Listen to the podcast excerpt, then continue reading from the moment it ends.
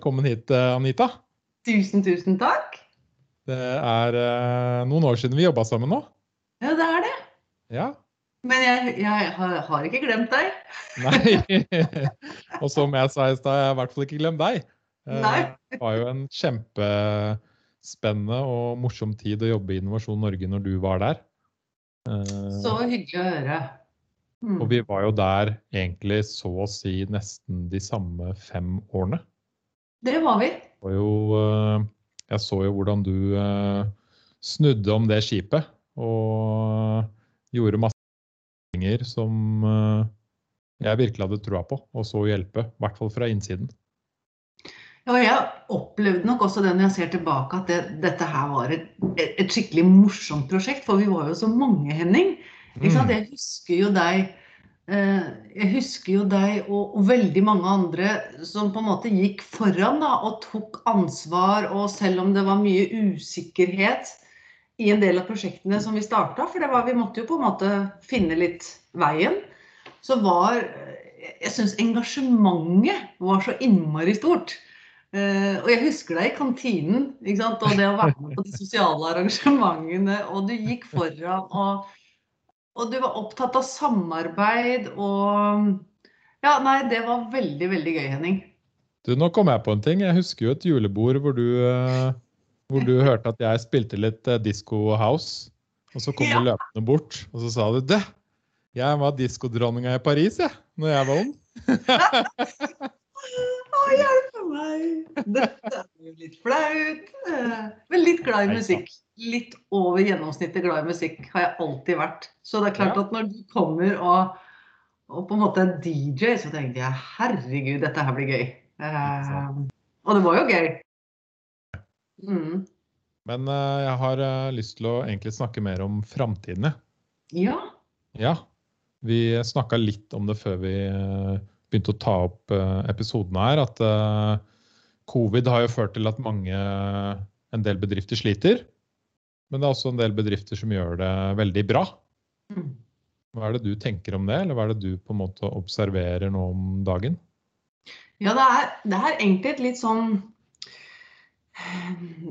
Litt sånn paradoks i dette covid, ikke sant. Fordi at eh, når det kommer sånne store kriser som, ja, som pandemier og andre typer ting, så er jo også det et tidspunkt hvor vi ser fremveksten av nye, innovative fellesskap, konsepter, ideer, eh, bedrifter.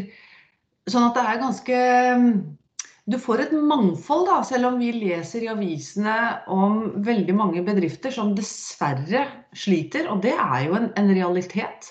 Mm. Men det er også en del bedrifter som aldri har gjort det bedre.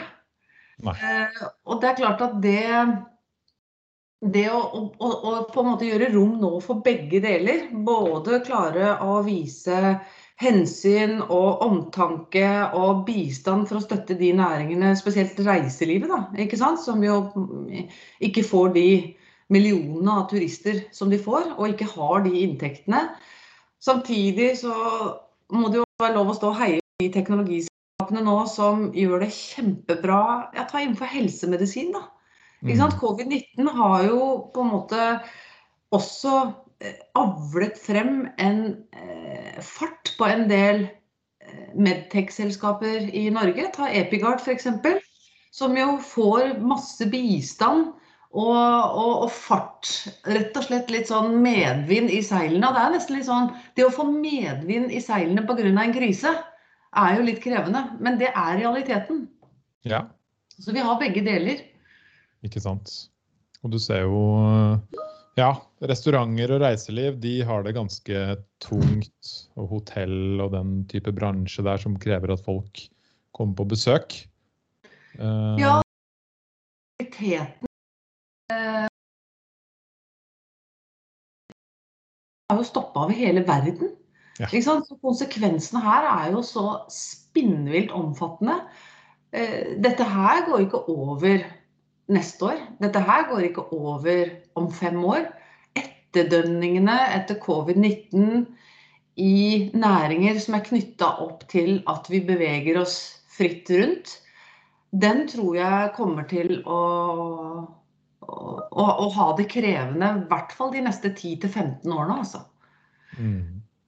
Men så vil det også kanskje Vi ser jo eh, hun eh, Tina Saltvedt i Nordea, som veldig, som er opptatt, mye opptatt av bærekraftige investeringer, ser jo også på den andre siden at innovasjonsevnen og ønsket nå om å finne nye måter å, å, reise på, da.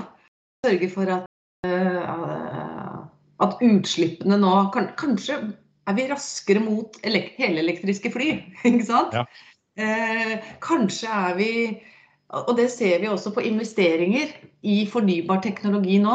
De selskapene som jobber med det, har jo også vind i seilene, altså. Mm. Og det, det, er positivt for oss. Og jeg, helt personlig så tenker jeg på at det å kjøpe seg en flybillett til London for 250 kroner, vet du hva, jeg syns det er spinnevilt. Ja, det er helt jeg utrolig. Jeg syns ikke det er riktig. Jeg, jeg, vi kan ikke ha det sånn. Det er, altså, hva slags forretningsmodell er egentlig det? Ja, jeg skjønner det ikke. Hvordan får du det til å gå rundt? Det. Så jeg, jeg, ser for meg kanskje at jeg, jeg, fortsatt kommer til å reise, men at jeg kommer til å reise mindre. Mm. Og litt lengre reiser. Og heller er villig til å betale mer for reisene. Men er ikke det viktig at uh, Som jeg ser på mennesker, er at de fortsetter å kjøpe det billige helt til det mm. kommer et like billig elektrisk alternativ, da. Mm. Ja, og, og, sånn er det jo. Sånn, sånn, er det jo på, på det meste, ikke sant. At mm. vi Og så kan jeg sitte her og si det at jeg gjerne kan betale litt mer for billetter fordi jeg har økonomisk anledning til å gjøre det. Ikke sant? Det er veldig mange som ikke har det. Sånn at det er jo eh, Men da tenker jeg ok, da får jo vi som har muligheten til det, da, i hvert fall eh, være villige til å, å, å være med og, bygge en etterspørsel mer etter kvalitet og etter bærekraft. Og, og kanskje skjerpe den derre forbrukerholdningen. Eh, og jeg har tenkt mye på det, altså, og, og ser jo det at nå som EUs Green Deal kommer og setter helt nye standarder for eh, hjembruk, Mm. Det kommer til å bli en veldig viktig utvikling. Så nå kan du gå på Jernia. ikke sant? Og så kan du ta med Jeg har nå satt opp et sånt stack her på kjøkkenet med masse gamle kjeler. Og så skal jeg ta med istedenfor å kaste de. Og så får jeg da 20% på det jeg har lyst til å fornye. Ja. Og da Det er en slags pant, ikke sant? Sånn at eh, den, den panteholdningen, at den går på mer enn tomflasker, det tror jeg er bra. Og det kommer til å skje i industrien. På, ja, på alt, på alt mulig av materialer og gjenvinning og Og det, det tenker jeg er en veldig fin utvikling. Men det er jo Ja, det tar tid å endre vanene våre. det tar lang tid. Og jeg håper i hvert fall vi kommer ut av det her med noen ja, det eh, håper jeg òg. Men så er det vel sånn at psykologien sier at vi veldig lett faller tilbake igjen da, i gamle mønstre. ja, det er det jeg også tenker, da. Altså, så fort man kan fly billig igjen, så flyr man billig. Ikke sant? Ja, altså, det som blir interessant å se, er liksom hvor av de endringene som kommer etter covid-19, hvor mange av de er på en måte litt mer strukturelle varige og, og, hvor mange av disse endringene er egentlig bare blaff, da. Mm. Det, jeg aner ikke. En endring som jeg tror kommer til å vedvare, er i hvert fall muligheten for å jobbe mer hjemmefra, eller hvor man vil. Mm. Eh, og som du sa, det passer også godt overens med å reise sjeldnere, men kanskje du kan reise til utlandet og altså være der i tre uker fordi du kan jobbe. Mm. Si. Nettopp. Og jeg, jeg, altså, det er jo mange selskaper allerede, og kanskje spesielt innenfor for teknologiverden som du og jeg kommer fra, da, Henning, som har hatt en, en litt annen holdning til dette her med eh, arbeidsplasser og at det er ikke så veldig Altså det er ikke bare den fysiske tilstedeværelsen som er viktig i det dagligdagse. Vi har vel kanskje over år hatt en, en større blanding. Også fordi, hvis jeg ser på de IT-selskapene jeg har jobbet med, da, så, så, så, var det jo på en måte en sånn god miks mellom hva er det som kunne gjøres hjemmefra, og så, hadde vi jo noen samlinger hvor det var viktig at man møttes fysisk. Mm. Men så er det jo fortsatt noen bransjer i Norge hvor, hvor det handler om å komme fysisk på kontoret, gjerne før sjefen og gå etter sjefen. Ja. Den håper jeg vi er ferdig med.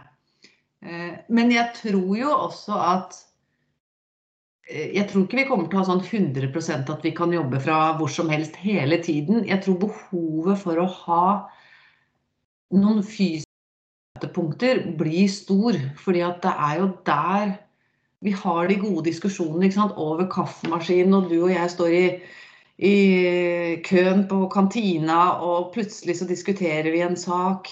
Det går vi glipp av her på Teams, vet du. Gjør det. Sånn at den, den interaksjonen der, den tror jeg og håper jeg vi kanskje blir enda mer vare på. Men at det ikke i prinsippet handler om at, at, at vi må sitte fysisk på et kontor hver, hver eneste dag. Vi, vi får en større blanding.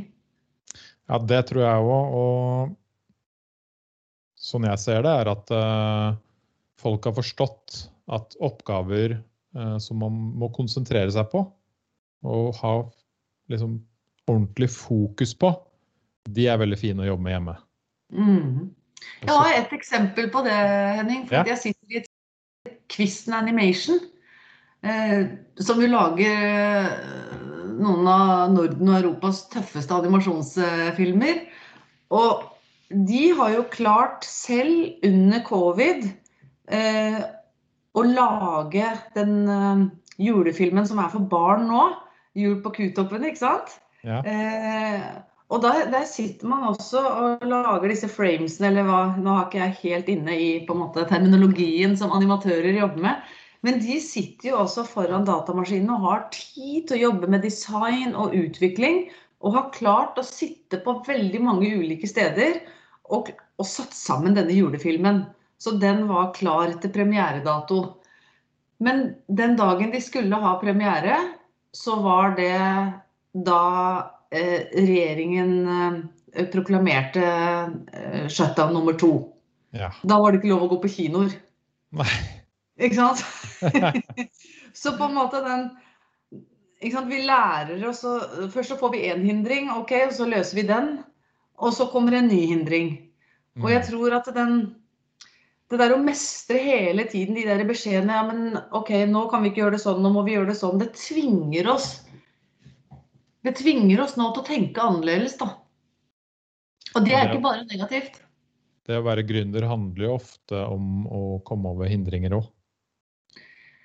Ja, altså det er stort sett det det er. Ja, ikke sant? Altså de, vi vet jo at 70-80% av alle oppstartsselskaper går jo konkurs innen de fem første åra. Ja. Så i starten så handler det jo veldig mye om å klare å bli og stå i det og snu seg når du egentlig har lyst til å gi opp og du ikke ser nye måter å gjøre det på. Men det er jo der vi skiller Clinton fra hveten, vet du.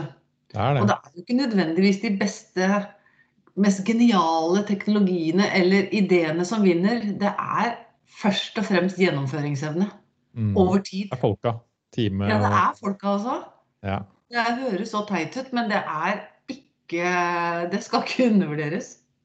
Jeg er også en investorvenn, og han ser alltid på folka først. Ja. Ikke sant? Ja, kul idé. Det høres bra ut. Hvordan i all verden skal dere få til det her? ja. Er de riktige folka med på det? Eh, Mm. Klarer de å få det til? Og legge de riktige planene osv. Og så er det, noen, ja. ja, det er noen som får energi av situasjoner som dette her, og så er det noen som blir tappa av energi. Og det som er veldig uvant nå, sant, er jo den isolasjonen. Og veldig mye av samværet mellom oss mennesker er jo basert på fysisk kontakt. Mens, mens nå skal vi ikke ha fysisk kontakt. Og, og hvor godt skodd er vi egentlig for det over tid? Ja, det, det blir veldig spennende å se etter hvert. Ja, for hvis du ser andre typer kriser da, i historien, så, så er det jo nettopp dette fysiske, varme fellesskapet som har gjort at folk har stått i helt hinsides situasjoner. Mm. Mens nå så, eh, så er det akkurat som om det teppet liksom er dratt under bena våre. og så er alt usikkert, og så har mange eh, Det er jo ikke alle som har familie som, som jeg er heldig å ha, og har unger som løper rundt her, og en mann, og jeg har på en måte Jeg har, jeg har det fysiske, da. Men jeg bare ser for meg Jeg, jeg tenker spesielt på de gamle, ikke sant? Hvor, hvor viktig den, det bare blir tatt på. Eh, og nå, nå skal vi ikke det. Vi skal ikke ta på hverandre. Nei, det er helt Jeg er jo fremmedperson. Det, det er veldig forvirrende. Jeg var jo hos bestemoren min i går, og hun sto ja. liksom Må ta litt på deg. det var det, det, er mange som begynner å savne det.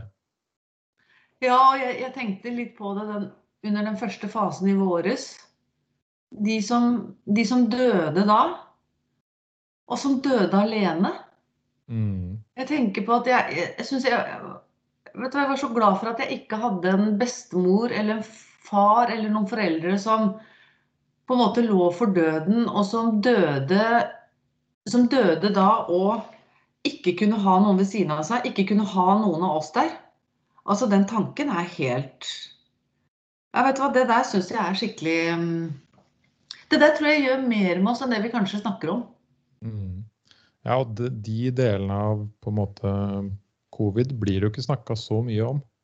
Det er ikke det som er på en måte, så mye fokus uh, i medier og ting man leser på nett og Ja, vi diskuterte det med han eh, lege og fastlege Kaveh Rashidi. Han skrev en artikkel i tror jeg, to uker siden i Aftenposten om dette her. Bivirkningene av covid. Og da snakker vi ikke om vi snakker ikke om de bivirkningene som vi har håndtert først nå, som handler om pakker fra regjeringen. ikke sant? Det er mer hardware-delen. Sørge for at folk har utstyr. At de på en måte eh, At det er en slags setup for det, da.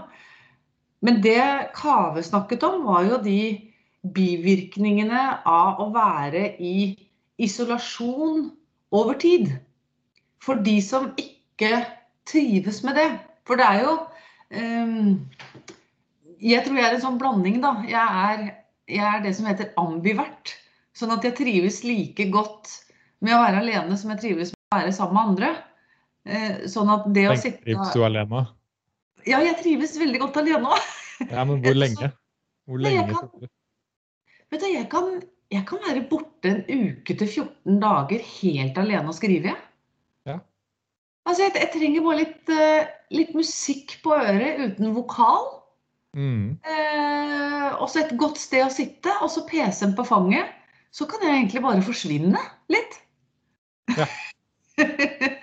men, men, men, det er noe annet enn det vi er i nå. For det som, som Kave sa, da, var at de der bivirkningene av følelsen av nedstemt, og du sitter på Teams, du er ikke med i det kollegiumet. Du får ikke, du får ikke prata med folk. Du får ikke uh, Altså, du får ikke Du vet heller ikke om det du gjør på jobben er bra lenger heller. Ikke sant? Fordi at de tilbakemeldingene er også litt sånn Ja, nå har jeg sittet fire dager med den rapporten her, men kommer den til å bli brukt til noe? Er det noen som leser den? Er det noen som Så du får ikke den interaksjonen, da.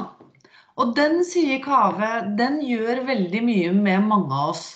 Mm. Så det med også å ha Han sier at det er liksom ett godt råd for dette her. Og det er rett og slett å bare snakke om det. Ja. Og, og, det sitter jo litt langt inne, tror jeg, for folk å bare du, Nå kaller jeg inn til en Teams-samtale bare for å snakke om hvordan vi har det. Da er vi jo så dritlei av å sitte på Teams hele dagen. Og så skal vi ha enda en sånn time hvor vi Ikke sant? Det blir kunstig. Ja, men nå har jeg begynt å For det første så har jeg en historie fra en kunde. Ja. Jeg har hatt allmøte, og der var det går bra, og veldig mange folk i det møtet. da. Ting går bra, og ja, det går fint, og vi programmerer, og det går greit. Og så var det én person da, som stoppa bare Nei, vent litt. Ting er faktisk egentlig ikke så bra.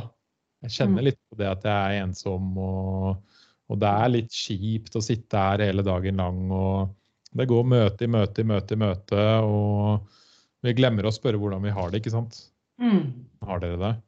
Og da ble det liksom holdt jeg på å si, stående applaus da, fra hele ja, bedriften. Ja. Nettopp. Endelig noen som på en måte sa ifra. At dette det er ikke bare lett. Nei, og det tror jeg, som, som Kave sa også, at ikke sant, i sånne perioder som dette her, så er det jo det er jo helt normale følelser å kjenne på. Ikke sant? Når du blir bestemt og ja, det er vanskelig å motivere seg, finne struktur, og du får litt vondt i vilja.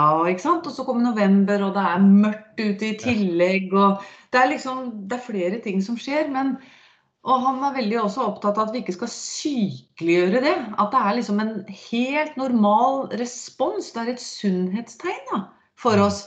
Men han sier hvis det over tid påvirker evnen din egentlig til å håndtere hverdagen, at til slutt så svarer du ikke på mailer så ofte lenger. Eller du dropper å gå i møter. Eller du finner på unnskyldninger som bare Fordi du, ja, du, har liksom, du har ikke lyst til å stå opp engang. Da sier han da må du gå til fastlegen. Ja. Da må du si ifra, fordi eh, det, det, er, det, går så fort fra en sånn tilstand til det kan utvikle seg til en depresjon. Mm. Eh, og det å å sitte med depresjon i tillegg i en sånn situasjon, det tror jeg blir ekstra tungt, da. Så ja, rådet er bare å si ifra. Ikke sant. Og nå snakker vi jo i tillegg, tillegg mye om folk som har jobb.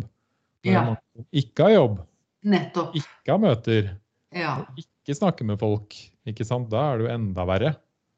Ja, som på en måte bare ja, Som sikkert blir oppgitt og tenker herregud, jeg er lei av Teams-møter. Om jeg bare kunne blitt invitert til et Teams-møte. Ja. Ikke sant? Jeg er ikke med noen møter.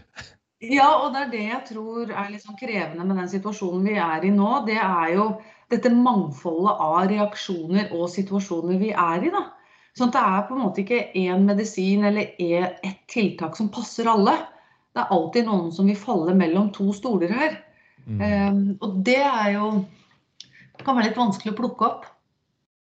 Ikke sant. Jeg har også meg og mine venner, vi har jo savna veldig sånn altså, Hvorfor er det ikke noe Hvorfor snakker de ikke om å mer om å ta bedre vare på helsa si? Ja. Det tror jeg hadde vært veldig Om de kunne fokusert mer på det, at det er viktig. Jeg er så enig i det. Jeg tror den fasen vi er i nå, gjør at det behovet kommer til å melde seg mer og mer. Mm. Og, og det er klart at det Det å det å også ha tilgjengelig folk, da, altså det som Kave sa, som jeg syns var fint, var at eh, nå sier han at det er helt innafor at vi kan være litt sånn hobbypsykologer og hobbyleger for hverandre. Det syns jeg var ja. fint sagt. Ja. Eh, og han var også sånn at vi snakker så pent alle sammen om hvordan vi burde ta vare på hverandre, men hvor mange av oss er det som egentlig gidder å ta den ekstra telefonen? Eller setter seg i bilen og sier Vet du hva, det møtet vi skal ha nå på Teams, vi tar det gående i Frognerparken isteden. Ja. Og det syns jeg også var en litt sånn Ja, det har du helt rett i. Vi sitter på en måte og venter på at alle andre skal ta initiativ. Mm. Og glemmer at vi har ganske mye Det er ganske mye tiltak vi kan være med på en og en av oss, da. Ja, og det skaper jo en veldig uh, sunn kultur. Noen må begynne. Ikke sant? Og hvis du begynner og hjelper en venn, så hjelper han kanskje en annen venn eller hun. Og så kommer det tilbake på deg, og så går det i en positiv loop. Mm. Og av og til Det er jo ikke så mye som skal til. Det er jo Vi, alle syns jo det er skikkelig hyggelig eh, ja, hvis, hvis, noen bare sender en melding og sier 'Har du lyst på en kaffe i morgen?' Og nå har vi en måte ikke noe sånn særlig unnskyldning heller for ikke Nei, jeg er på reise. Det kan du ikke si. Nei, jeg er ute og flyr. Jeg kan ikke er, Å, er du det? Nei. Men hvordan holder du deg eh, Du sa jo selvfølgelig at du har eh, familie og sånn. Ja. sånn utenom det, hvordan holder du deg positiv, og hvordan holder du energien At, at du har god energi? Ja, altså det hjelper å være født med et litt sånn friskt Hva heter det? Lyst sinn. Ja. så jeg er nok litt sånn i utgangspunktet en sånn irriterende optimist. Ikke sant? Som, ja, som fortsatt tror at det meste er mulig. Og, sånn at jeg Og så tror jeg kanskje jeg er eh, jeg, jeg har trent meg litt altså jeg, jeg, er jo, jeg, er jo, ikke så god på sånn fysisk trening, men jeg har jo trent meg opp til å på en måte behandle meg selv bra. da. Snakke mm. pent til meg selv inni hodet. Um, prøver å avlaste mest mulig styggen på ryggen. Uh, styggen på ryggen som vi alle har, har ikke fått så mye plass under covid-19. Fordi det er egentlig styggens scene. Men den har tatt over av noen andre. Ja, det er jo egentlig det. Det er jo prime time. Og så tror jeg for veldig mange jeg snakker med også, er jo at det som er uvant, er at plutselig nå har de fått mer tid til å tenke over ting. Og det i seg selv er ikke nødvendigvis noe positivt. For plutselig så kommer sånne refleksjoner opp. Ja, men hva har jeg egentlig brukt tiden på nå? Så at sånne type eksistensielle spørsmål, det bruker jeg lite tid på akkurat nå. Men du, vent litt. Grann, Jeg har Ja, ja, det går fint. Ser du henne? Ja. ja. Du går ut med venner, ja? OK. OK. Nei, for det, det, de, de indre stemmene ja. De er det ikke alltid så lett å ha kontroll på. Nei, og, og det å prøve da, å si det at vet du hva, det, det skal ikke jeg, skal ikke jeg skal prøve det jeg kan, da. Og, og prøve å ikke bruke så mye tid på det. Og, og det, det syns jeg egentlig jeg har fått til litt. Mm. Um, ja, det, det, vil jeg si. Ja, jeg syns jeg har Jeg har hatt veldig mye moro det året her. med ja, for jeg har, jeg, har, jeg har, vært veldig heldig med en sånn god timing med at jeg sitter i et eh, arbeid for EU som jobber med innovasjon. Mm. Så jeg har jo på en måte nesten ukentlig hatt tilgang til 22 superspennende mennesker som sitter over hele Europa. Og det eneste vi jobber med, er framtid, vekst og muligheter. Wow. Ikke sant? Og det er klart at det å ha det på agendaen i et år som det her, gjør jo også at det er en slags linleder, da. Ikke sant? Så jeg mm. har hatt det som en veldig sånn fin, eh, eh, fin syssel. Um, og så har jeg jo skrevet i hele år også. Jeg sitter jo og skriver en bok nummer tre. Og det er også en sånn fin Jeg føler at det, at det er tid til å gjøre det nå. Jeg finner mange rom til å kunne gjøre det. Og så har jeg vært i mange ulike fellesskap som styreleder og fått sitte tett på veldig selskaper som har klart å navigere veldig godt i korona. da. Alt fra Startup Norway, sant, som jobber med, med fremveksten av gründere, til Quisten Animation, som jeg nevnte for deg. Ja, ikke minst da, til, til Bocuse d'Or, hvor, hva er det som skjer? Jo, norske kokker vinner Europamesterskapet i covid. Uten publikum. Ja. Altså, jeg tror også det har noe med at det er veldig kanskje ekstra viktig å tenke på at du også må omgi deg med noe som har litt framtidsfokus. Eh, så at ikke du blir veldig sånn sittende sånn akkurat der du er der og dag med de problemstillingene. At du kan få lov å ja, og drømme litt stort sammen med en gjeng med andre. Mm. Det har vært nyttig. Det handler jo For meg virker det som for det første å finne noe givende å fylle tiden sin med, da. Egentlig. Ja. Og du sier ja, og... jo en del av det er jo faktisk å gjøre det med folk, men du skriver jo også bok, som jeg mm. tipper er kanskje litt mer alene. Ja, det er jo helt alene, egentlig. Men, men, det er jo også noe med det å, å tørre å ta den uferdige skriften og, og, sende til et par og begynne å diskutere.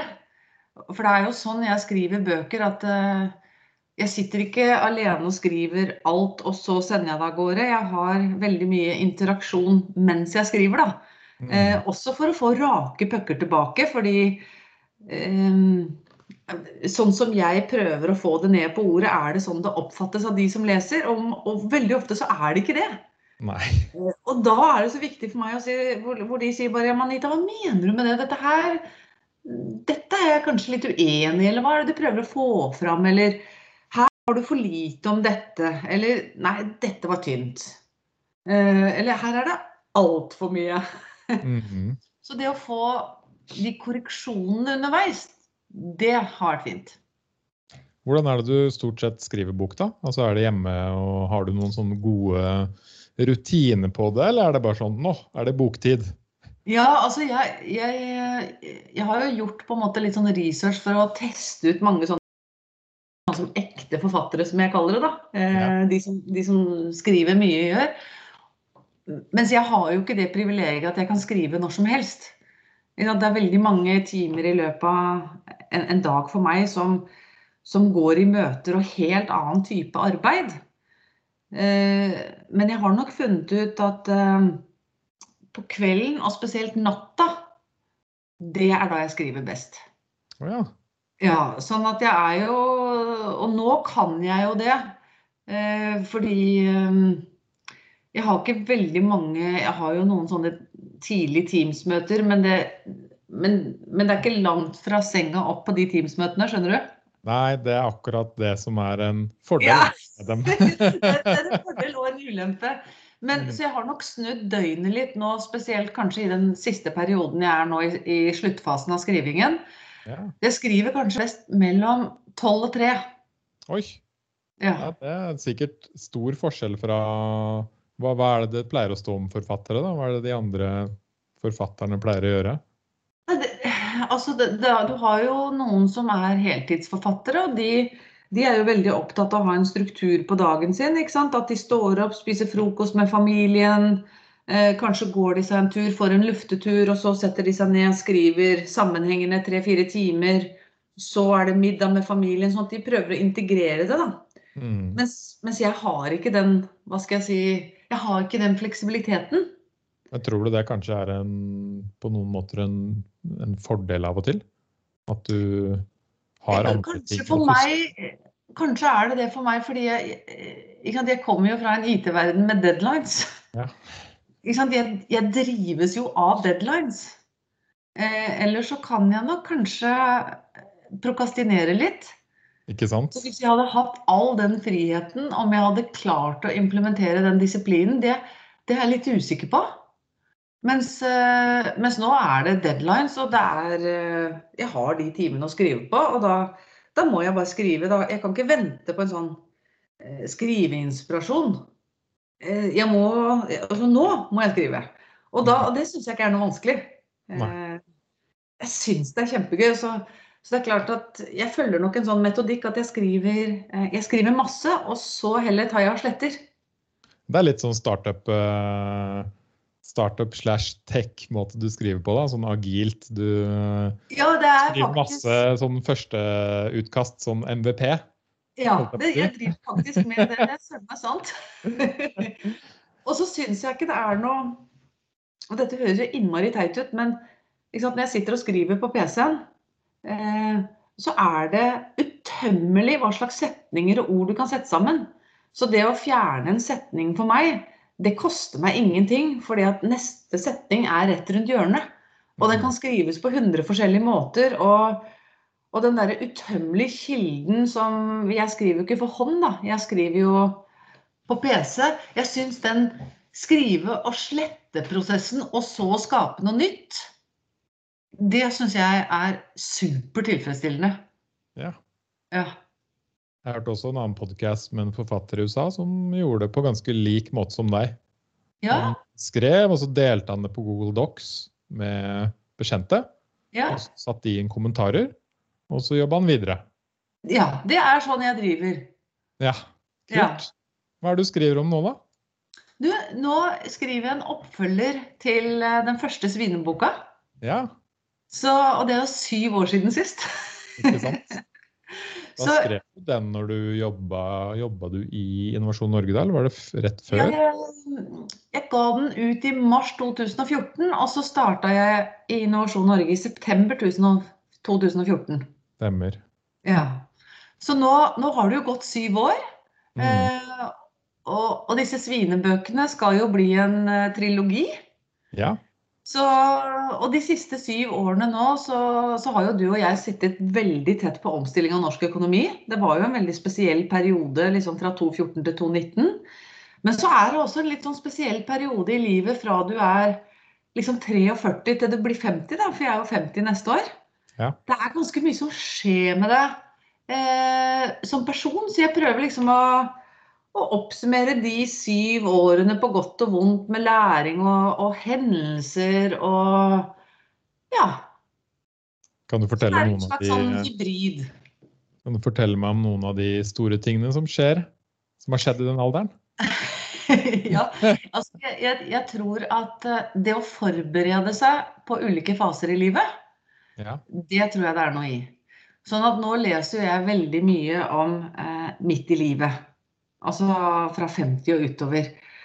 Og det jeg gjorde i sommer Jeg hadde en sånn liten eh, øvelse hvor jeg bare satte meg ned, rett og slett. Og så, men da skrev jeg for hånd, da. Og så lagde jeg fire, nei, fem kolonner for hvert tiår jeg har levd. Og så delte jeg det opp i privat og på jobb. Og så Mhm. skrev jeg ned de store hendelsene privat og på jobb. For å prøve å se hvordan er det disse tiårene egentlig har utvikla seg. Og det jeg så, var at det var på en måte en sånn rød linje i de første 50 åra i mitt liv, og det er jo at hvert eneste tiår består av oppturer og nedturer. Det er ingen tiår som bare er positive, eller bare er negative. Det er alltid den miksen mellom på en måte glede og sorg og ny læring og, og, og, og nye hendelser. Så konklusjonen min da ble mer ja, men bare jeg sørger for å alltid være i bevegelse.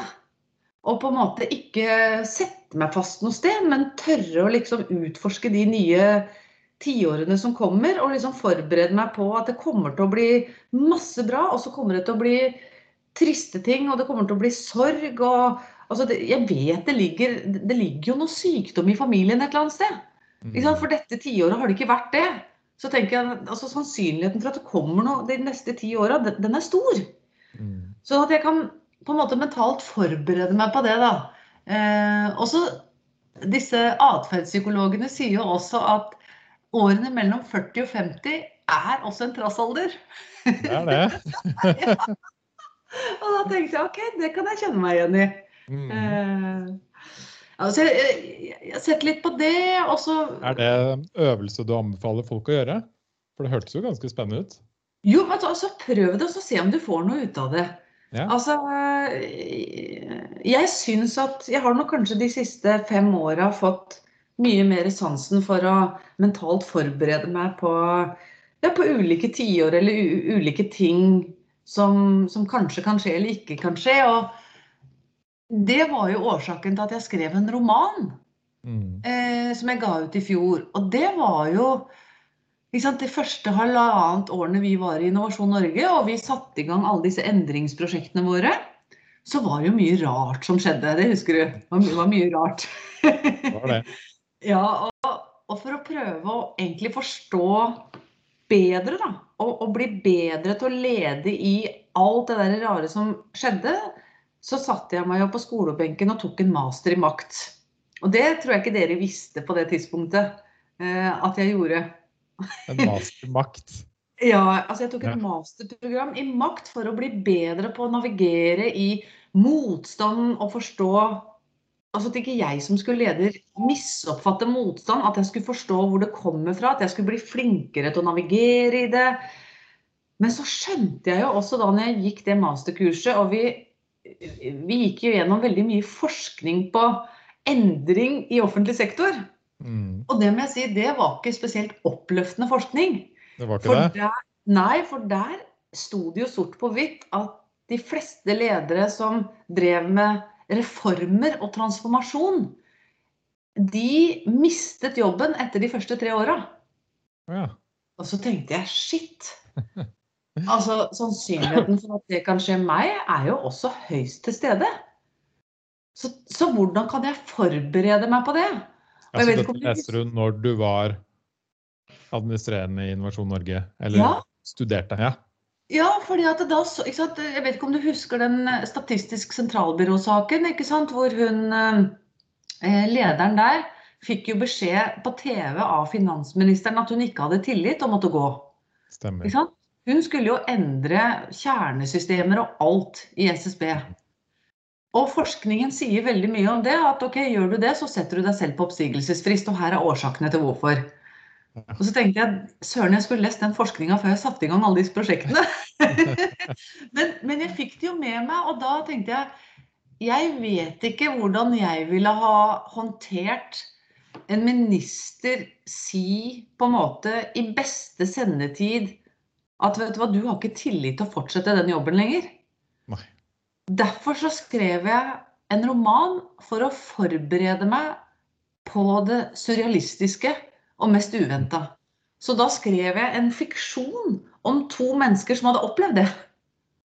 En mannlig gravejournalist og en, en um, kommunaldirektør i Oslo kommune som fikk sparken etter ni måneder. Mm.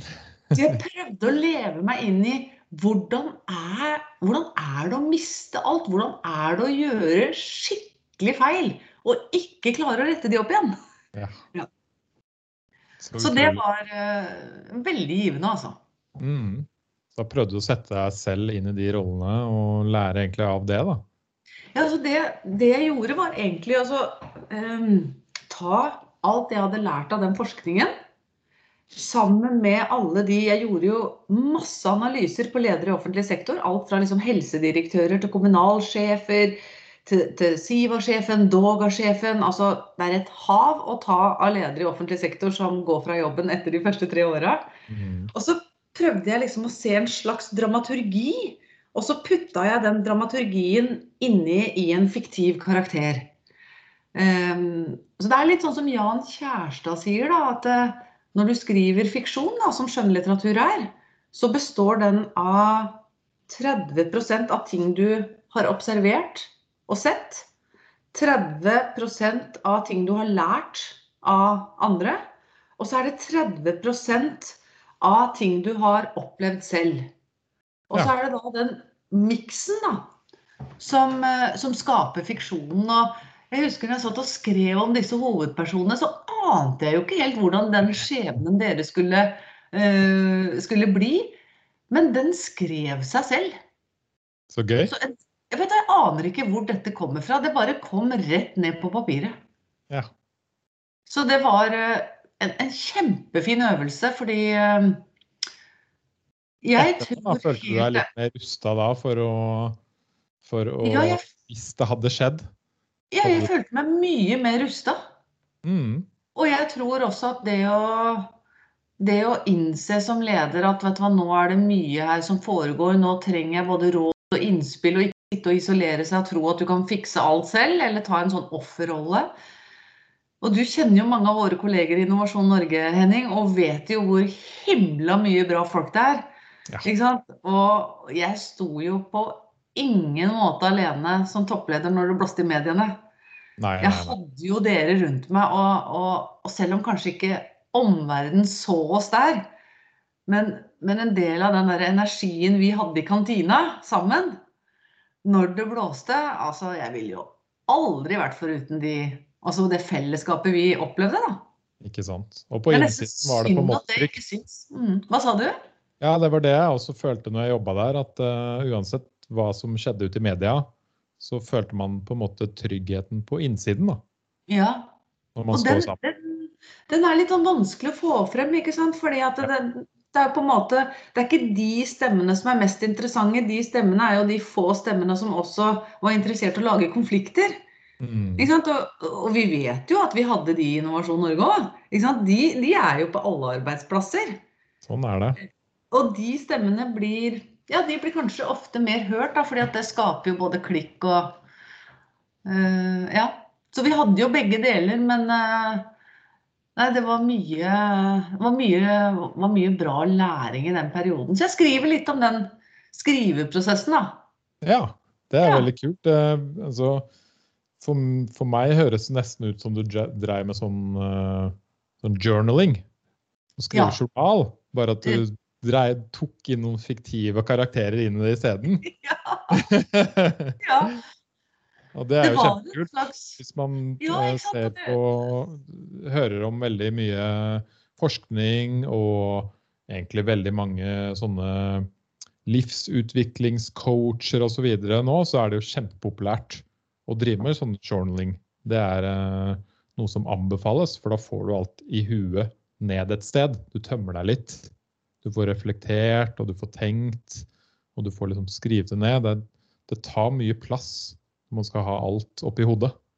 Ja, og så er det, det er noe med altså For de som liker å skrive, da. Altså, noen får jo samme effekt av f.eks. å drive med hagearbeid eller fordype seg i matlaging eller kanskje være mye ute i frisk luft, gå tur. For meg så, så, så spiller det egentlig ingen rolle hvordan, hvordan, du henter energi og hvordan du får energi, bare du finner noen andre rom enn jobben da, for å gjøre det. Uh, og så er det kanskje litt mest innafor i Norge, spesielt hvis du er leder, at du er en sånn friluftsjunkie. Men, mens jeg er jo en innendørsjunkie. Jeg passer jo ikke inn i på en måte dette friske lederidealet. Da. Eh, jeg kan sitte og fordype meg foran peisen med housemusikk på øret og skrive og sitte og røyke. Det er jo ikke særlig bærekraftig. men, men, jeg har de sidene også, da. Jeg har de jeg har de litt melankolske mm, Jeg henter veldig mye energi i, i, litteratur, i filmer, i bilder, i musikk. Um, ja, det, det er det, altså det, Jeg syns det gjør innmari godt, da. Mm. Uh, og jeg gjør heller det ikke sant? Jeg kan skamfullt ta ned gardinen full søndag og tenke nå skal jeg bare sitte inne og skrive. Ja. Ja, det er, meg er det luksus. Det, det, det, du sier er et utrolig godt poeng, fordi alle får energi av forskjellige ting. Nettopp. Så man må liksom finne sine Hvor er det du vil få, og bruke din energi, da. Jeg merker jo det når jeg er med vennegjenger. Da er det sånn uh, Nå er vi på hyttetur, og så er det tre stykker som har veldig lyst til å gå opp på en fjelltopp. Og så er det to stykker som veldig gjerne har lyst til å lese. Og så er det noen som bare vil lage mat hele dagen. Det er bare sånn, perfekt. ja, jeg tenker det, det der må jo være en perfekt vennegjeng som gir hverandre rom for det. Ja. Ikke sant? At, eh, for, jeg, for, jeg, tror at uh, For meg ville det vært veldig slitsomt å dratt på hyttetur med noen som sa nå er det opp klokka fem, nå skal vi få med oss det, og så er det felles frokost klokka ni. Altså, mens for andre så er jo det bare en gave å kunne få ha den strukturen.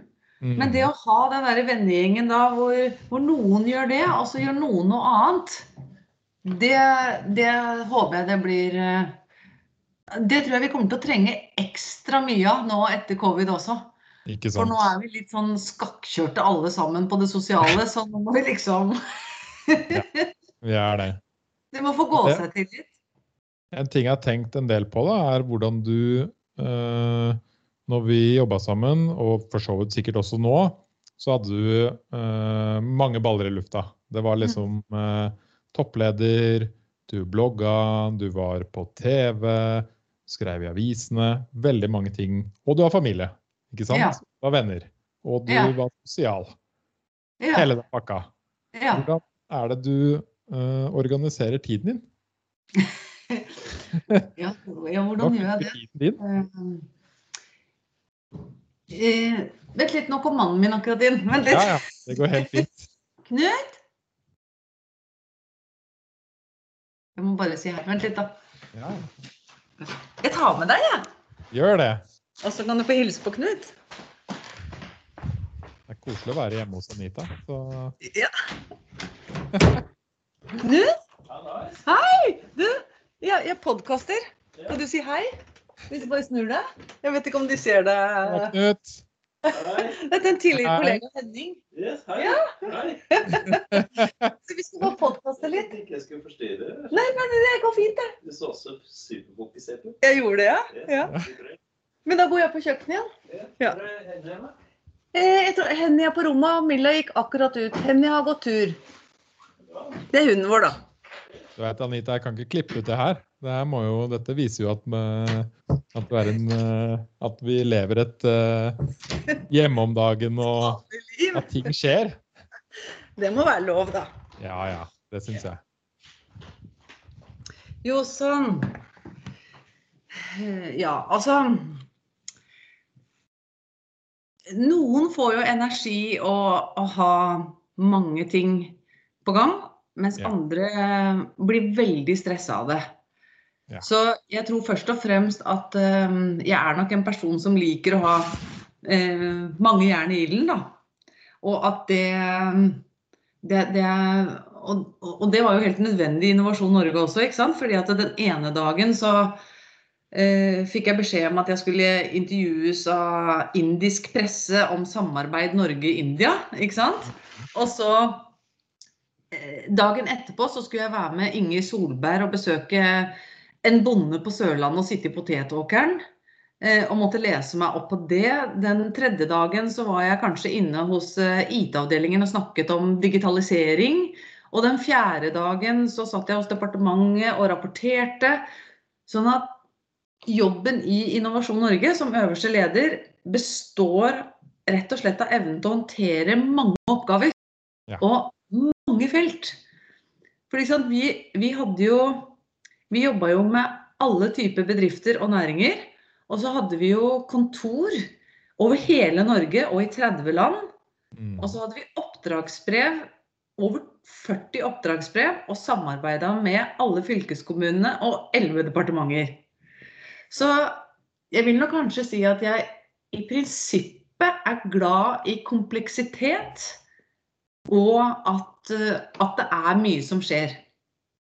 Så det, det er kanskje første svar på det, at for å håndtere det, så må du faktisk like det litt, da. Mm. Eh, og ha alle Hvis de du ikke liker det i det hele tatt, så vil det jo alt sannsynligvis bare krasje og Ja. bli for mye. Ja, og så er det jo en litt sånn trening opp gjennom årene igjen, da. Det å, det å disponere uka si. Så jeg, jeg pleide å sitte hver eneste søndag. Ja. Eh, og så kikka jeg gjennom kalenderen, og så kjente jeg litt sånn på Får jeg liksom litt sånn pusteproblemer nå når jeg ser alt som skal skje i løpet av uke? Eller ser det OK ut? Hvis jeg fikk litt sånn Vet du hva, nå har, nå har jeg loada den kalenderen litt for mye. Så prøvde jeg å finne ut av er det noen av de møtene her som jeg strengt talt ikke trenger å være på. Mm. Kan jeg sende noen andre i, eh, i mitt sted? Hvor Og- ofte fikk du sånn mage, magefølelse at det var for mye på de Jeg fikk det ofte. Sånn at jeg ble jo bedre og bedre på, de- på å delegere. For du vet, i begynnelsen så Når du er ny som leder, så vil jo alle treffe den nye lederen. Ja. Men, mens du vet jo, jeg jobba jo veldig hardt med å både få ikke sant, Mona, som er helt suveren på privat og offentlig sektor og digitalisering, og få henne til å fronte dette. Og få Katrine Pia til å fronte alt som hadde med eksport og merkevaren Norge. Ikke sant? Men det, det tar jo også tid å bygge opp lederteamet rundt deg. Først så måtte jeg jo rekruttere de, ikke sant? og så må jo de bygges opp til å både føle liksom hele ansvaret for sine områder. Så når årene gikk, så, så syns jeg jeg fikk et lederteam som var innmari gode på å ta det kollektive ansvaret. Da. Ja. Um, og, det, og det avlasta kalenderen min også. at Det var jo uhørt i begynnelsen at ikke jeg var med på næringslivsdelegasjoner med ministre eller kongen i utlandet. Men til slutt så kunne jeg altså si ja, men kan ikke, altså dette her handler om fisk. Burde ikke Inger dit? Ikke sant? Og så kunne man sånn sakte, men sikkert prøve å, å, å, finne andre løsninger, da. Så jeg hadde en sånn Så hadde jeg jo altså Eva. Jeg hadde jo aldri klart meg uten Eva Finseth. Altså hun Nei, hun var helt fantastisk. Altså, e- altså en hyllest til Eva Finseth. Eh, Hun, eh, hun Ja, vet du hva, det er sånn Noen sånne kollegaer blir man sånn oppriktig glad i. Mm. Eh, og og de, du får en relasjon til de som, eh, som går langt utover at man bare har vært kolleger. Men på en måte jeg føler et slags sånn ansvar for at hun skal det gå skikkelig bra med. Skjønner du? Ja. For hun er en så kanongod kapasitet og et sånt hel ved menneske. Og hun tok jo så styring over min kalender, og hun sa jo nei på en måte som, som var så sjarmerende, skjønner du? Det å Ja, for du fikk jo hjelp òg med kalenderen din. Ja, altså jeg, det er det jeg mener. Så, så jeg, jeg fikk jo også hjelp til å prioritere, fordi en av de rake puckene jeg fikk fra Eva, da, var jo at altså når du rekker mye og mange baller i lufta, så går jo det på bekostning av noe. Og som Eva sa, Anita, du er tidsoptimist. Det er veldig bra. Men det er ikke så veldig bra når du er tidsoptimist på vegne av alle oss andre òg. Ikke sant? For da kan jeg jo stresse de rundt meg litt. Ved at jeg da er i et møte, ikke sant? og så sier jeg ja, men det fikser vi, det får vi på plass, det gjør vi sånn og sånn. Og så har de kanskje allerede en load som jeg ikke kjenner til. Og så belaster jeg de igjen. Og når jeg er øverste leder og sier kan dere gjøre dette, så sitter det litt hardt inne for noen å si nei, det kan jeg ikke gjøre. Det er vanskelig for folk. Det er så vanskelig for folk. Og det å ha Eva som bare da liksom stakk meg i sida hele tida. sa, Anita, nå må du roe reka. Ja. Ikke sant? Det er ikke sikkert at Så vi hadde sånn tone, da. Mm. Eh, og masse humor i vårt samarbeid. Men det så tror det er jeg er viktig at folk lærer at uh, man, Jeg har jo blitt også veldig mye flinkere på det de siste årene. Å kunne si til sin leder vi kan godt gjøre det, da Ja. må du hjelpe meg å finne ut hva vi ikke skal gjøre. Nettopp. Eller så må jeg velge noe, og så må du si at OK, det er greit. Da dropper vi det, og så fokuserer vi på det. Ja, og det er så viktig, det der. Og så, så det har jo blitt en treningssak. Og så Det kanskje siste jeg gjør, Henning, det er at når jeg ser at en uke har veldig mye oppgaver, det kan være presentasjoner som skal holdes, det er tall som skal kunnes, ting som skal skrives. Jeg står jo aldri og holder en tale hvis jeg ikke eier budskapet. Jeg kan ikke bare lese opp noe noen har skrevet for meg. Jeg må inn og ta eierskap til det. Og da prioriterer jeg når jeg skal forberede meg på det. Hvis ikke så, så blir det sånn derre Altså, jeg har ikke plass på harddisken. Hvis jeg søndag kveld skal være like godt forberedt på alt jeg skal gjøre hele uka. Så jeg tar én dag av gangen. Mm. Så søndag kveld så sørger jeg for at hele mandagen er ferdig preppa. Og så begynner jeg mandag på tirsdag. Tirsdag på onsdag. Sånn at istedenfor å gå og grue meg for et eller annet som er på torsdag, det gjør jeg ikke før det er onsdag. Nei. Ja. Og da da er jeg fokusert uansett at da, da setter jeg meg ned, og så da bare gjør jeg det.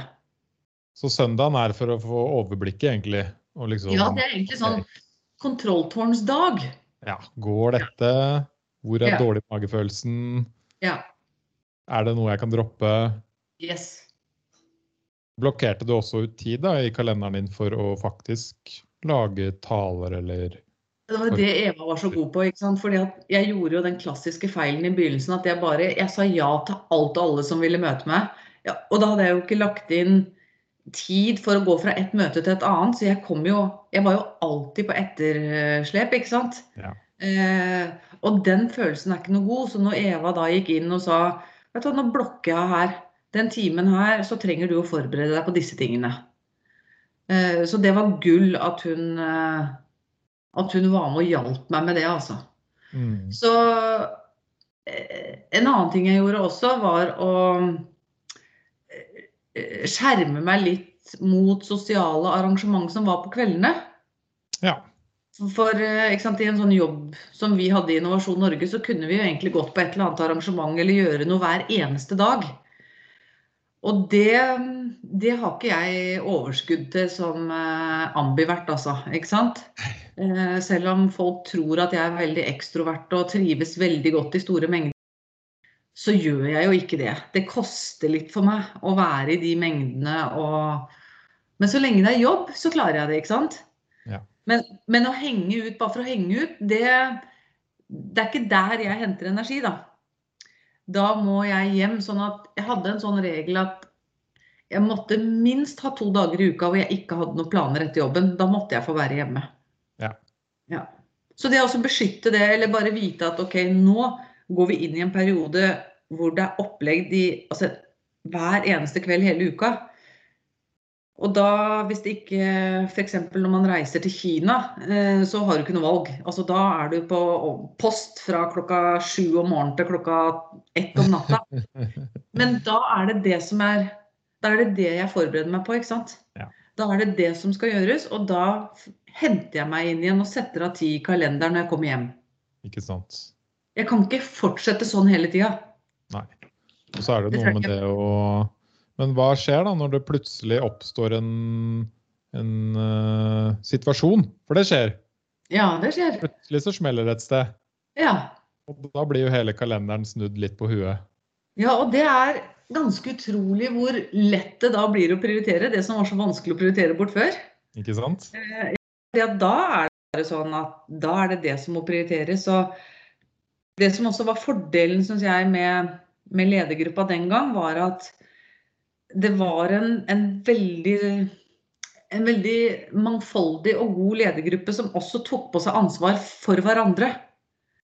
Sånn at de satt ikke bare med sine ting og tenkte at dette er det jeg skal jobbe med. De hadde også det kollektive lederansvaret for hele Innovasjon Norge. Ja. Eh, og vi var elleve stykker.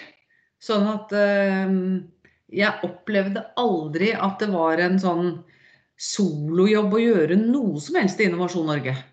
Det var alltid noen som kunne steppe opp, ta på seg mer ansvar, gå inn og ta et møte. Ehm, og så er det én ting som jeg kanskje også helt sikkert har undervurdert i mange år.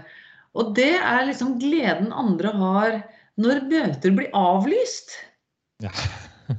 For man tenker hele tida at ja, men dette må, jeg jo, dette må jeg opprettholde, disse møtene må vi ha. Men det er jo ingenting som er så deilig som å få et møte litt avlyst, hvis ikke det er veldig viktig, vel å merke, da. Som gjør at du plutselig får litt fri i kalenderen. ja, det er lik. Det er ikke så kjedelig, det. Nei. Mens jeg har hele tiden tenkt at det, det er ikke bra. Mm. Eh, Så der har jeg nok kanskje lært meg litt mer at eh, Vet du hva, det er så stor forståelse der ute. Hvis, hvis det er opplagt når det, når det blåser rundt Innovasjon Norge at vi er nødt til å gjøre andre prioriteringer, det skjønner folk. Ja, Eh, og det gjør de virkelig, altså. Så Jeg har også merka det at når man har mye å gjøre og mange baller i luften, da klarer man å planlegge bra ofte. ja. Da er liksom Det er ofte da ting eh, havner på stell, og du har kontroll, egentlig. Og liksom det blir lettere å prioritere, som du sier, og du får ting inn i kalenderen, og du, du merker at oi, her må jeg faktisk forberede meg, da må jeg putte inn det i kalenderen. Ja, ja. Men når det skjer veldig lite, så er det nesten sånn omvendt effekt. ja. Sånn, ah, jeg putter inn der, og så Nei, jeg flytter litt på det, og så får vi se. Og jeg kan ha det litt sånn nå med et par ting som jeg kjenner ikke er sånn brennende viktig, men som jeg vet at jeg burde ha gjort. Og jeg vet jo også at når jeg gjør de tingene, den mestringsfølelsen og når du kan hake av, den, den er jo så positiv. Mm. Men jeg tenker at i de, den covid-19-tiden som vi er i, i nå, så gir jeg meg selv ganske stort slack på å bare av og til drifte litt, skjønner du? Mm. Eh, at jeg trenger ikke å ta lead, jeg kan bare drifte litt med hvordan den der dagen går. Og, eh, og nå har jeg jo allerede snudd døgnet lite grann fordi jeg sitter og skriver. Og så ja, men Jeg skal bare se litt, jeg skal bare sjekke på Netflix om det har kommet noe nytt. Og så kommer det en serie, og så er den så interessant, og så Ja, men bare en til. Ja, det er greit. Plutselig er klokka fem om morgenen. Ja. Men i stedet for å da liksom bli opp, så tenker jeg Vet du hva, det er greit, Anita. Det er greit. Du kan gjøre det nå, kanskje i morgen òg, men bare pass, pass deg, liksom. Du, du Mm. må ikke holde på sånn. Eh, men ikke få dårlig samvittighet nå. Og når jeg, jeg driver og snakker sånn til meg selv, da. Ja, det er det indre stemmen igjen som kommer Ja, da, tilbake. da på en måte den derre eh, Jeg har en veldig sånn høy toleranse for eh, for å ikke gjøre de riktige tingene og for å utsette og for å sløve litt og bare drifte litt, som jeg sier. Det er ganske høy toleranse for det nå. Det er greit, det. Det må vi jo si til folk. Det er helt greit nå. Ja, det er så greit. Ja, man Ja. skal nyte livet nå, og det er viktig å på en måte prøve å snu det negative til det positive. Jeg har også sagt til mange at eh, du må ikke sitte og se på nyhetene hele dagen, for da blir man jo ganske gal i huet. Mm. Altså, man, man, må, man burde følge med, men jeg har jo mange som har blitt sånn smålig deprimert. Ikke sant? Og de samme OK, nå er så mange døde, og nå, Nå er det Mm. sånn ute i verden der, og så bare sånn Ja, men nå glemmer du faktisk å passe på deg selv. Ja, Som kanskje er det viktigste du må gjøre for deg selv nå. absolutt. Mm. Og da Jeg kjente også på det at jeg Ja, men nå som jeg har en litt sånn annen fleksibilitet, og det er såpass mye tid, så jeg tenkte, skal jeg, begynne, skal jeg bruke anledningen nå til å begynne å trene litt? For det har ikke jeg drevet med. ikke sant? Jeg har ikke, det har jeg ikke prioritert. Jeg kan ikke si at jeg ikke har hatt tid, for, for man har tid til det man vil. Men jeg, det har ikke stått på lista mi over gjøremål jeg syns er viktig. da. Og så tenkte jeg at ja, men nå, nå skal jeg prøve dette her. Og så gjorde jeg det, så kjente jeg på at å fy fader, har jeg egentlig den ekstra energien nå til å ta på meg mer sånn skal bli bedre på? Eh, Så da det kom eh, beskjed om at disse treningssentrene var eh, stengt igjen, så ble jeg så glad. Bare fordi at jeg klarte ikke helt å, å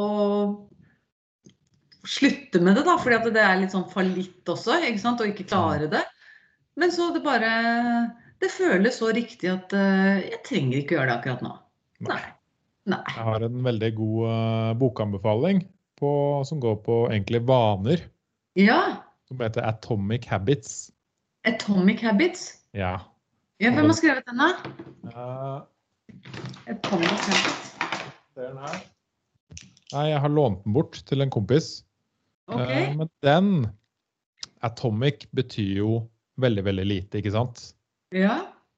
Den handler om en kar som har studert vaner.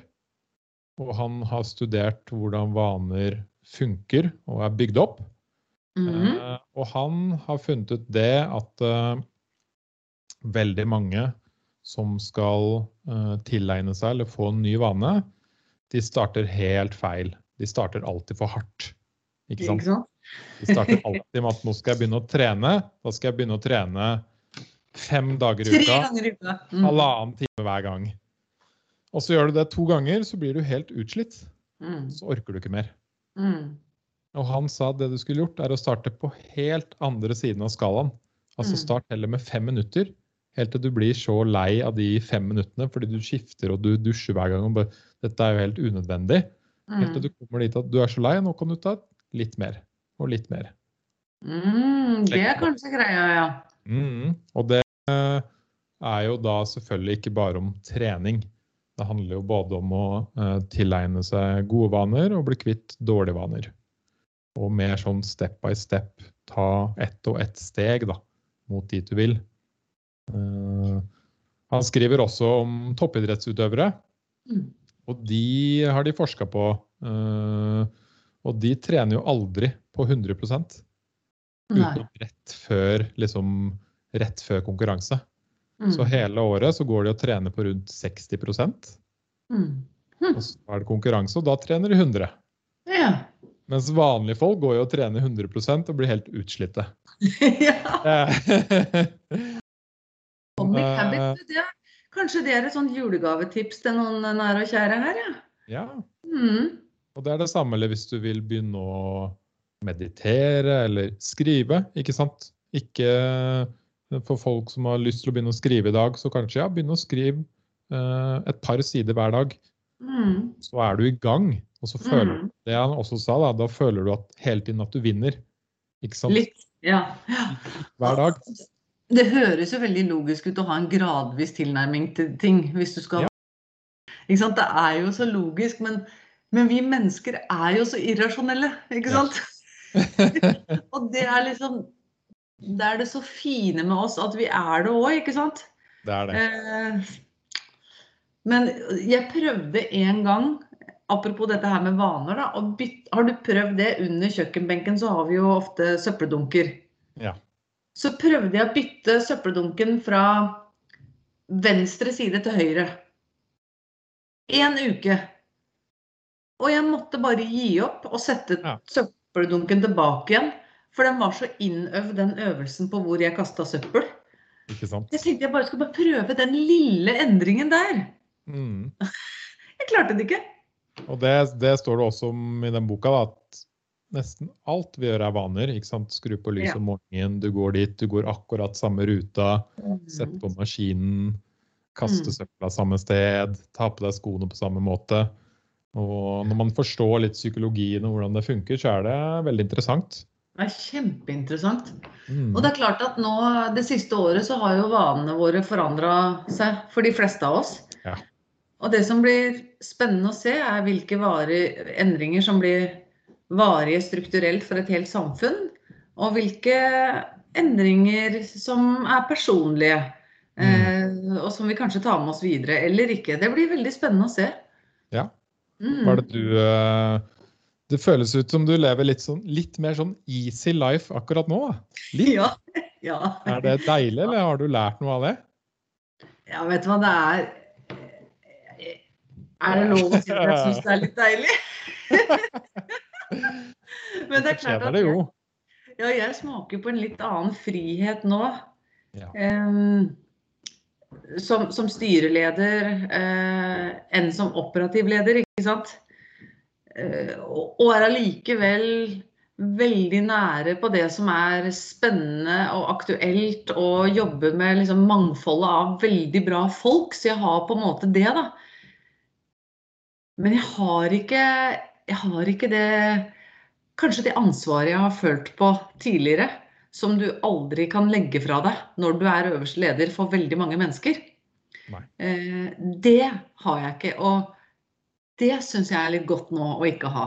Mm. Eh, og har i hvert fall tenkt at eh, jeg skal i hvert fall gjøre det her eh, litt, ikke sant. Jeg, fordi jeg ser jo at, at det er en annen måte å jobbe på. Mm. Og, og covid-19 har jo også gitt meg det rommet til å, til rett og slett reflektere rundt at uh, ja, du skal ikke se at det kanskje blir veldig mye mer av det her framover isteden. Men jeg, jeg tror på en måte ikke på dette her å nødvendigvis bestemme seg for sånt, men bare lov, få lov til nå å bare være i den driven og, og, og være i den bevegelsen som jeg er så opptatt av. Mm. Og, og ha muligheten til å gjøre nye ting, være med å påvirke, skrive, eh, hjelpe andre toppledere. Eh, Jeg skal jo kjøre noen lederseminarer neste år som heter Sandefjordseminarene, som, som jo nesten er fullbooka allerede, ikke sant. Sånn at jeg har egentlig såpass mye å gjøre, jeg har gjort det sånn for meg selv at det er vanskelig å slutte med det. Og Og så får man se. Det gir deg energi. Ja, det gir meg masse energi. Samtidig som, som, om, om, som at min hverdag er jo veldig annerledes enn da du og jeg jobbet sammen. Ja. Men det er en annerledeshet som jeg aldri har smakt på, fordi jeg har jobbet for én fast arbeidsgiver helt siden jeg startet som trainee i IBM i 1996. Ja. Så har jeg på en måte vært på et sånt løp. Eh, og det å nå gjøre litt andre ting, det, det er skikkelig gøy. Er det lov Ja. å si? Ja, ja, det er helt lov. Og jeg har jo syntes alt det andre har vært gøy også. Det å jobbe i Innovasjon Norge, det er jo veldig lite som skal måle seg med Altså den perioden der var jo kjempegøy. Mm. Men alt i sin tid, altså. Alt i sin tid. Alt i sin tid. det tror jeg er et godt budskap ut til alle der ute at uh, man, man, kan, man har liksom egentlig et valg nå, da, når det fortsatt er covid. Eh, skal man faktisk gjøre noen valg? Kanskje sette i gang noen nye aktiviteter? Fokusere Mm. på noen prosjekter? En idé? Skaffe seg en hobby? eh, være litt med på hytta? Whatever eh, folk vil. Som Mm. på en måte gir deg litt glød og får deg til å tenke på noe annet. Uh, gir, som du lærer av, som du kan dele med folk. Mm. Uh, eller skal du sitte i sofaen hjemme og liksom vente på at det blir bedre? Ja, altså ikke være så redd for at eh, de valgene man tar nå, eller at det på en måte skal verken definere deg eller vare for evig. For det er ingenting som varer evig. Nei. Ikke sant? Så hvis du tror liksom at ja, men nå har jeg bestemt meg for at nå skal jeg gjøre dette her, eh, og, og nå er jeg litt redd fordi at det kanskje, kanskje er du permittert på jobben, eller, og du har på en måte planlagt at det er der du skal være. Ja, men det er ingenting som er varig uansett. Ikke sant? Ikke sant? Så uansett hva du velger, om det er det ene eller det andre, så kommer det sannsynligvis om noen år, uavhengig av covid, til å endre seg. Mm. Og du kommer til å endre deg òg.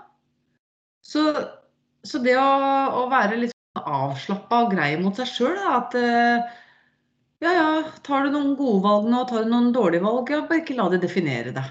Bare prøv å gjøre det beste ut av situasjonen.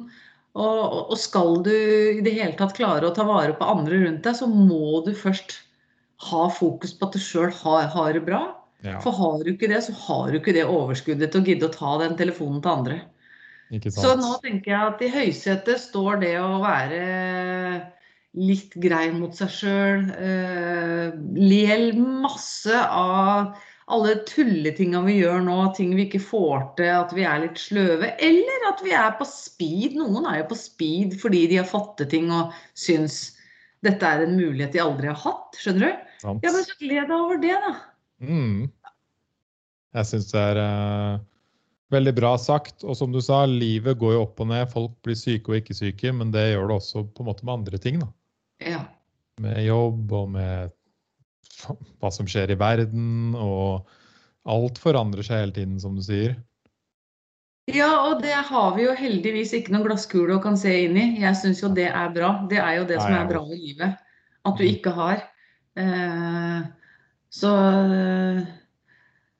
når det blir tøft, så blir det garantert mye bedre på sikt.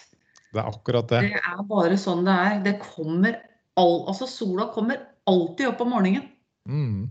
Den, den, den, den, kommer til å gjøre det. Selv om natta virker kjempelang, mm. så kommer den. En eller annen gang. Ikke mm. sant. Du, det syns jeg var egentlig en uh, nydelig måte å avslutte den podkasten på. Ja. Ja? Du, tusen takk for uh, slarvepraten med deg, Henning. Ja, ja det var digg. det trengte jeg. Ja, det trengte jeg òg. Og det var så hyggelig å se deg igjen. Det var veldig hyggelig å se deg òg. Ja. Så får vi håpe vi ses på en måte ekte neste gang. Det får vi gjøre, vet du. Mm. Ja. Og så lykke, lykke til med, med, mm, alt du jobber med for VIPS og Steria og podkasten din. Og ja, jeg gleder meg til å fortsette å følge deg fra sidelinja. Ja, jeg gleder meg som vanlig til å følge med på deg òg. Eh, du holder jo alltid på med spennende ting. Så bok og skriver i avis og ja, styrer og Det er gøy å følge deg og se hva du driver med. Og du er en uh, stor inspirasjon for mange. Tusen, tusen hjertelig takk. Og i like måte. Tusen takk. Så får du ha en uh, fin uke videre. Du, det skal jeg. Nå skal jeg opp og sjekke hvordan familien har det. Gjør det. Ja. får du hilse, så snakkes vi snart. Ha det, Henning. Ha det bra. Takk for praten. Tusen takk.